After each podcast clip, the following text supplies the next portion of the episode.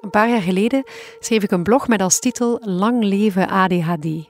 En ik vertelde daarin over de voordelen die mijn hyperactieve, impulsieve brein mij biedt en de talenten die ik heb ontwikkeld dankzij mijn ADHD, of zo zag ik dat toch. En naar aanleiding daarvan werd ik uitgenodigd bij een radioprogramma hier in Vlaanderen, bij Houtekiet. Maar achteraf kreeg ik ontzettend veel reacties. Heel veel positieve feedback ook van mensen met ADHD. Die vonden het een opluchting en die vonden het fijn dat iemand op die manier ook naar de voordelen van ADHD keek. Maar ook veel negatieve reacties. Vooral van ouders van kinderen met ADHD bijvoorbeeld. Die vonden dat ik het bagatelliseerde of te rooskleurig voorstelde. En sindsdien vind ik het echt ingewikkeld om nog te zeggen dat ik ADHD heb.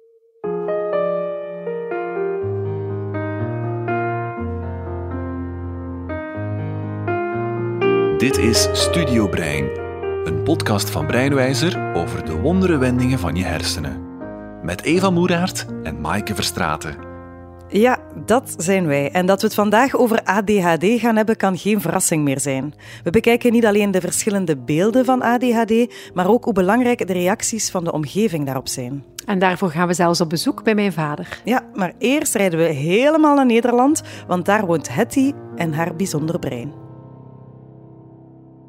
Ik denk dat, dat het lijkt alsof mijn brein meer verbindingen heeft dan een gemiddelde Nederlander. Ja, ik heb op mijn uh, 39ste diagnose ADHD gekregen, type ADD. En um, dat was voor mij een erkenning van, hé, hey, ik, ik denk anders, ik voel anders, ik proef anders, ik ruik anders. Met meer intentie, maar ook meer en soms te veel en soms ook even niet. En die, uh, die wisselwerking, dat maakt dat ik een bijzonder brein heb.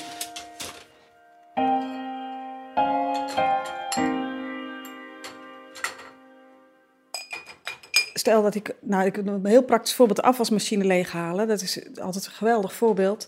Ja, mijn man zegt dan van, wat ben je aan het doen? Ja, ik ben de afwasmachine aan het leeghalen. Nee, die zegt, je bent uh, uh, aardappels aan het schillen. Ja, maar ik was de afwasmachine aan het leeghalen. En nu ik dat toch aan het doen ben, had ik die pan toch in mijn handen. Dus dan kan ik net zo goed even de aardappels schillen. Want dat, uh, af, dat mesje zat ook in de vaatwas. Dan moest ik ook opruimen. Dus als ik het nu in de la stop, dan kan ik het net... Ik heb het toch vast. Dan kan ik net zo goed meteen mijn aardappels schillen. En dan heb ik dat al vast staan. Maar je zegt, je was toch de afwasmachine leeg aan het halen? Ja, dat ga ik ook zo doen. En nu snap ik steeds beter wat er daar dus gebeurt. En dat anderen dat dus heel onlogisch vinden. En terzelfde tijd, als ik dan dus zo bezig ben en er wordt bijvoorbeeld, er komt iets onverwachts tussen. Bijvoorbeeld, ik krijg, um, er staat een vriendin aan de deur of uh, uh, mijn kinderen komen eerder thuis uit school. Ja, dan klopt het in één keer niet meer. Want dan zit ik wel in mijn eigen chaos. Hè? Lekker uh, afwasmachine, denk dan. Maar dan moet opeens moeten de dingen klaar. En dan moet ik dus terug gaan schakelen, zo van wat was ik nou eigenlijk aan het doen? Ja, en als je dan als een soort helikoptertje gaat kijken, dan zie je dus een mesje op het aanrecht liggen met een aardappel ernaast. De afwasmachine staat open, er staat nog een kastje open waar de soepkommetjes in moesten. Uh, deksel van de pan ligt helemaal aan de andere kant uh, van de keuken of in de huiskamer, want ik had toch nog even mijn mail gecheckt. En dan um, ontdek je, dan word je eigenlijk heel erg geconfronteerd met, met uh, het andere brein. En dat kan soms best wel even confronterend zijn. Dat je denkt, verdorie, waarom? Waarom heb ik dit?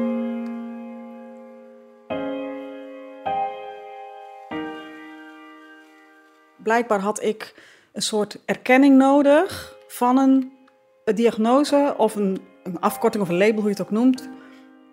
Om, um, om te ervaren van ik ben niet gek. En toen kwam die erkenning zo van, ah zie, dus uh, het heeft een naam. En dat is, um, ja, dat is voor mij een geschenk geweest.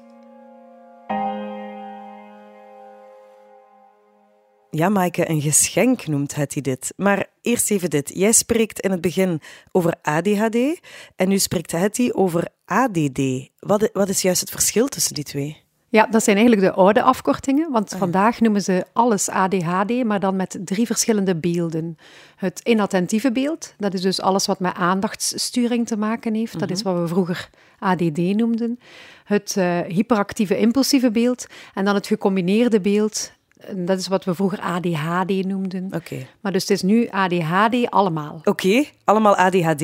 Maar wat gebeurt er juist in het brein van iemand met ADHD? Hoe anders is dat brein dan dat van mij bijvoorbeeld? Ja, dat is onze centrale vraag eigenlijk hè, altijd. En ook deze keer ben ik daarvoor naar een expert getrokken, namelijk Roelian Wiersema. En die klinkt alsof hij uit het noorden komt, maar hij werkt eigenlijk aan de Universiteit van Gent. Dat is eh, direct al een hele moeilijke vraag. Omdat er is wel heel veel onderzoek gedaan naar eh, of de hersenen verschillen. En eh, dat is op verschillende manieren gedaan, structureel, functioneel. Eerst keek men veel meer corticaal. Eerst bepaalde gebieden, dan ook netwerken. Maar nu zie je ook dat de focus wat meer naar subcorticaal gaat. Dus echt naar eh, belangrijke nuclei, die we daarvoor eigenlijk nauwelijks konden onderzoeken. Maar die wel een enorme impact hebben op het hele brein. En er is dus duidelijk wel dat er eh, eh, afwijkingen gezien worden, of, of ja, afwijkingen in elk geval ander eh, functioneren van het brein. Maar er moet wel bij opgemerkt worden, dit zijn natuurlijk zeer grote groepen die vergeleken worden. En dan vind je kleine verschillen. Dus dat wil niet zeggen dat groepsverschillen is niet hetzelfde dat elk individu met ADHD die afwijking of die verandering in het brein laat zien. En dat wordt wel eens verward. Ook omdat men dan zegt van, ah, is er niet een hersenscan mogelijk om een diagnose te doen voor ADHD? En zover zijn we lang niet. Ik denk ook niet dat we daar echt gaan komen, eerlijk gezegd. Omdat dat ja, veel complexer is. Sowieso is het beeld van ADHD al heel heterogeen. Eh, je ziet al veel verschillen tussen mensen met ADHD. En in eerste instantie hoopte men natuurlijk om dan één bepaald hersengebied of één gen te vinden wat dan verantwoordelijk is voor alle symptomen van ADHD. Maar dat is veel te simplistisch eh, gebleken. En nu ziet men dus dat er ook, men denkt nu eerder ook aan dat er zelfs verschillende paden kunnen zijn, ontwikkelingspaden die leiden tot hetzelfde fenotype ADHD. Maar waar dus wel onderliggend een hele andere neurobiologie aan vooraf gaat. Ja, de wetenschap weet dus nog niet exact of er een zichtbaar verschil is tussen het hoofd van iemand met ADHD, zoals Hetty, of, eh, of mij bijvoorbeeld. Maar Hetty probeerde mij trouwens wel uit te leggen hoe het voelt om ADHD te hebben. En ze deed dat met pingpongballetjes. Ja, de pingpongballetjes. Ja, wat je mag proberen eh, is dat je met één hand eh, alle pingpongballetjes tegelijk naar beneden mag duwen. En misschien is het fijn als je, als je even staat. Recht staan, ja. Met één hand maar, allemaal naar beneden. Ja.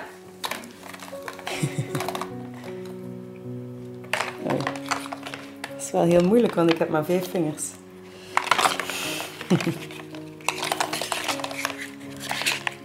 Wat gebeurt er? Ik krijg er altijd maar een paar naar beneden en de rest schiet omhoog. Die schieten omhoog. Ja. Als je dit nou vergelijkt met alle gedachten en alle dingen die gebeuren in je brein. Welke link leg jij dan? Dat die, oeh, dat die niet samen blijven of zo. Dat die alle kanten uitspringen. Ja? En dan niet die, dat die niet te vatten zijn in één, in één hand, in één, in één worp. Ik weet het niet goed. Ja. Wat voor, wat voor gevoel krijg je eruit? Ja, een beetje onmacht, een beetje frustratie ook wel. Ja. Dat het niet lukt. ja. En aan de hand van waar we het dan net over gehad hebben, hoe zou je dan de link maken met ADHD? Ja, die, die chaos, denk ik. Die chaos en dan niet kunnen vatten. En altijd andere dingen die opspringen, denk ik. Dit is dus wat er gebeurt. Dit, is, dit ben ik. ik. Ik praat nu niet. Dit is wat jij ervaart. Ja. En dat is zo krachtig. Dat heb je schitterend gedaan, Eva. Ah, merci. En eh Hetty toont met dit experiment ook heel mooi hoe het voelt om een ADHD-brein te hebben. Zo'n brein waarin het lijkt alsof er te veel prikkels tegelijk om aandacht vragen. Nochtans, en dat is super interessant, vertelde Roelian Wiersema ons dat de hersenen van iemand met ADHD eerder onderprikkeld zijn. Je zou dan denken van ja, maar zijn dan de hersenen ook niet actiever bijvoorbeeld? En dat is juist het omgekeerde. Dus we zien eigenlijk dat, dat bijna alle onderzoeken laten zien dat er een onderactivatie is van hersengebieden en een onderstimulatie. Dus er is eigenlijk een tekort aan stimulatie in het brein. En als je ook denkt aan bijvoorbeeld de medicatie die gegeven wordt, stimulantia, wat doen die? Die activeren het brein. En dan worden de mensen er rustiger van.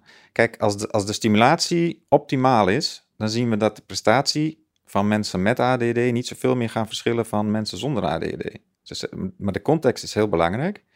Als bijvoorbeeld dingen ook te saai zijn, te traag gaan, dan ga je zien dat de aandacht ook niet meer werkt. Ze worden hyperactiever. Uh, prestaties gaan naar beneden. En dat heeft te maken met dat uh, mensen met ADHD zeer snel een te laag cognitief arousal niveau krijgen. Dus dat blijkt ook uit veel van ons onderzoek. Um, waardoor ze dus eigenlijk, zo zou je kunnen zeggen, die symptomen die ze laten zien, zijn misschien ook deels functioneel. Want dat geldt ook denk ik voor jou. Als jij uh, moe wordt en je zit in je auto, wat ga je doen?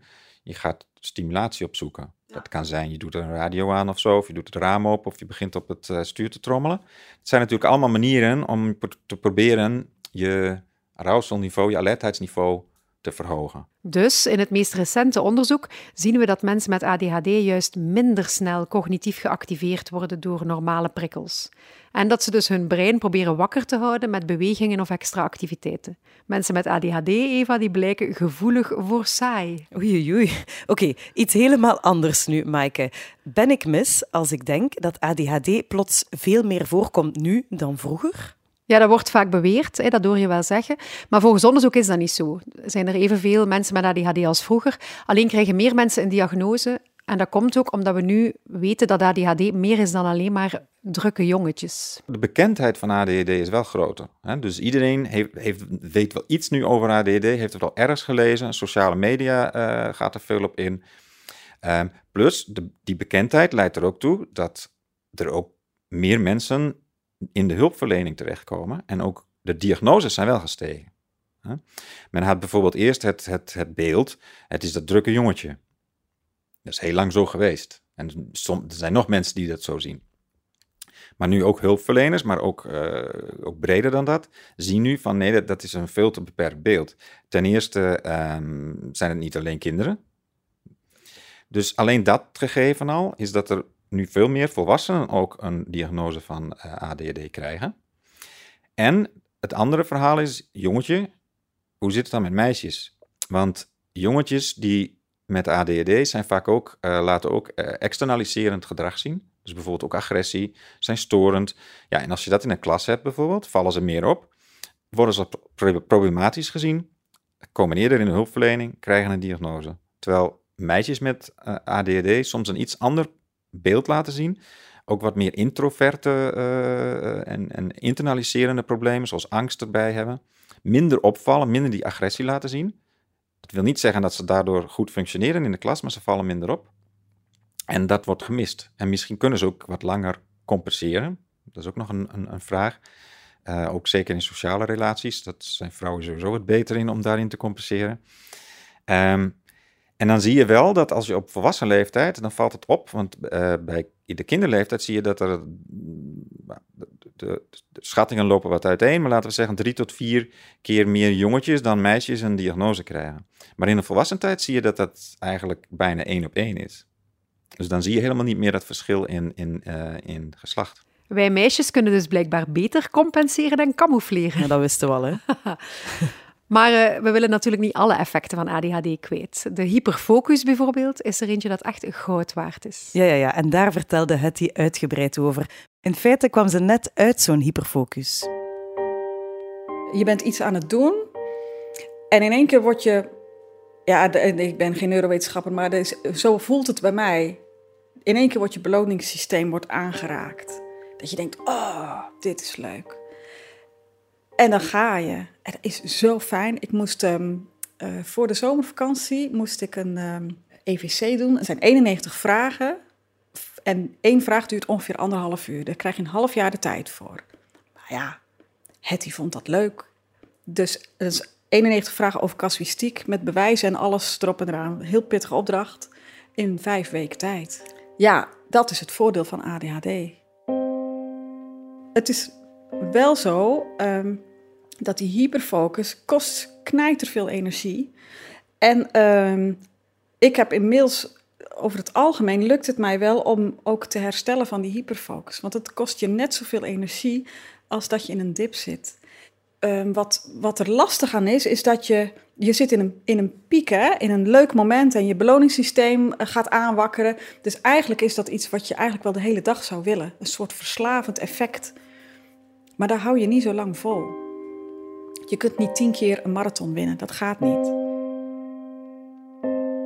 Ja, ik herken dat ook wel helemaal. Want als je echt hard in iets opgaat, dan kan het opeens allemaal te veel worden. Hè?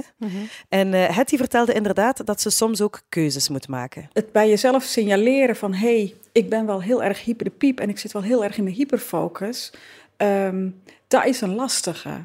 Want je brein, uh, of tenminste mijn brein, zegt niet altijd van... je kunt maar beter nu even stoppen, want uh, dit put jou uit. Nee, mijn brein zegt, kom op Hetty, hup, gaan met die bananen, leuk. En, uh. Totdat inderdaad iemand thuis komt en zegt van... Goh, um, mam, is het eten al klaar? En dan word je dus in één keer weer met je voet op aarde gezet. Zo, oh ja, dat is waar, ik moet ook nog eten koken. En heb je daar dan nog de energie voor? wat, wat ik, als, ik, als ik bijvoorbeeld overprikkeld ben, dan kan het wel eens zijn dat ik, dat ik thuis zeg van, weet je, na het eten, dan ga ik even naar boven toe. Ga ik wat muziek luisteren en zo. Dat is, dat is voor mij incasseren. Maar ook het accepteren dat dat zo is. Want dan kan ik wel gaan incasseren en in bed liggen en muziek luisteren. Maar als ik niet accepteer dat het oké is, dan gaat het me ook niks opleveren. Want dan lig ik me maar te frustreren. Ja, en dan lig ik hier in mijn bed muziek te luisteren. Moet je mij nou toch zien, zielepoot? Of eh, stel je niet aan, hè? die innerlijke criticus komt dan omhoog. Maar ook het accepteren van het is oké. Jij hebt ook het recht om hardop te zeggen van nu even niet. Ik heb even tijd nodig om te, om, om te incasseren en te accepteren dat het even niet lukt de ADHD-diagnose, heeft Hetty niet alleen doen beseffen dat ze af en toe wat meer rust nodig heeft en muziek in haar oren, maar ook voor haar omgeving was dit echt een verandering. Wat er vooral veranderd is, is uh, in de, vooral de situatie samen met mijn man, is dat we elkaar nu beter begrijpen. Want dan gaat het er niet om of ik chaotisch ben, maar dat het gewoon anders is. Ik heb een andere volgorde als hem en dat is oké.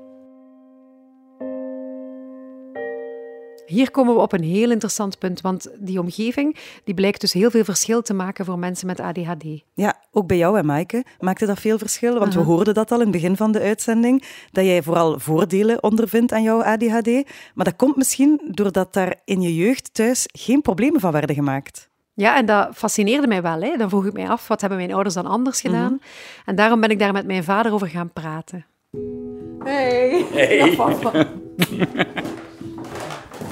Ja. Wat ik eigenlijk kom doen, het is een beetje een, uh, een officieel bezoek vandaag. Wij zijn bezig aan een aflevering over ADHD. En uh, als, ik daar, als ik mij daarin verdiep, dan heb ik daar wel wat van. Hè? Dat, dus zeker een onderwerp waar we het al over gehad hebben. Maar wat ik dan over nadenk, of wat dat mij dan in gang gezet heeft, is de vraag, wat heeft mijn omgeving gedaan? Of wat hebben jullie dus gedaan als ik klein was en zo druk en zo bewegelijk en zo actief en zo hè, impulsief en onhandig en noem maar op. Wat hebben, jullie, wat hebben jullie toen, hoe hebben jullie dat aangepakt? Zodat ik eigenlijk het gevoel had van, het is geen probleem. Ik ben gewoon uniek of zo. of bijzonder. De eerste keer dat mij dat is opgevallen, is toen jij in het eerste studiejaar zat. Ja. Maar toen zei de juf van, Marke, die kan niet stil blijven zitten op haar stoel en ze valt van haar stoel af. En wat ons antwoord was naar haar toe van, wat gaat het daaraan doen, juf? Ons antwoord was niet van, er is iets met ons dochter. Ja. Dat is denk ik een van de, een van de eerste keren dat ik ja, hoorde dat er met u iets raar was. Okay. Wat ik niet eens raar vond. ja. Maar bij ons thuis was dat ook niet zo raar, hè?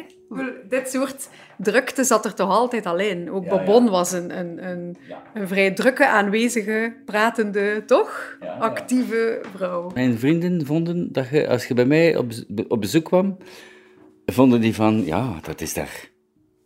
Dat, dat gaat er eigenlijk niet. De radio staat altijd op. Uh, uw moeder is altijd aan het babbelen. En jullie babbelen ook altijd tussendoor. Je kunt er eigenlijk niet, niet, niet, niet bij. En ik, ik vond dat niet raar, maar zij wel. ja, en ik denk, allee, als je dat dan vergelijkt met mensen die daar wel problemen mee hebben, vind ik dat moeilijk, omdat dat niets zegt over hen. Ja. Het, is, het, is, het is vooral omdat op een of andere manier, ik heb, wij, jij niet en ik niet en ons gezin niet, hebben er niks voor gedaan om dat te compenseren. Dat, dat ging gewoon. Vanzelf. Ja, dat, is, dat zegt niks over, dat zegt alleen iets over de range, over de, de, het continuum waarin de ADHD zich eventueel kan voordoen en over de context waarin dat, dat geen probleem kan zijn. Maar, maar het, is, het is onze context die, die, die allee, ik, uh, ik blijf een beetje uit de lucht vallen als mensen onze context ADHD noemen. Ja. Uh, Maaike, is het dan alleen een probleem als iemand anders er een probleem mee heeft? Ja, dat is een boeiende vraag. Dat is precies de stelling die die studiogasten in het radioprogramma waar ik het in de intro over had ook innam. Mm En Julian Wiersema geeft dat ook aan, want het is eigenlijk zo dat de hinder, dus het feit dat je minder functioneert, echt een essentieel onderdeel is van die diagnose. Dus als iemand, stel die heeft bepaalde ADD-kenmerken, um, nou, kijk, kijk maar een beetje rond. Als je hier kijkt, het is nou ook niet zo heel opgeruimd. Hè? Dus je zou kunnen zeggen, oké, hij is wel redelijk slordig. Hij is ook niet zo georganiseerd. heeft papiertjes nodig om de boel te organiseren. Ehm, maar ik heb geen impairment. In die zin, ik functioneer. Ik heb geen, natuurlijk heb ik ook mijn ups en downs, maar ik, in het algemeen kun je zeggen dat ik functioneer. Dan kun je niet spreken van ADHD.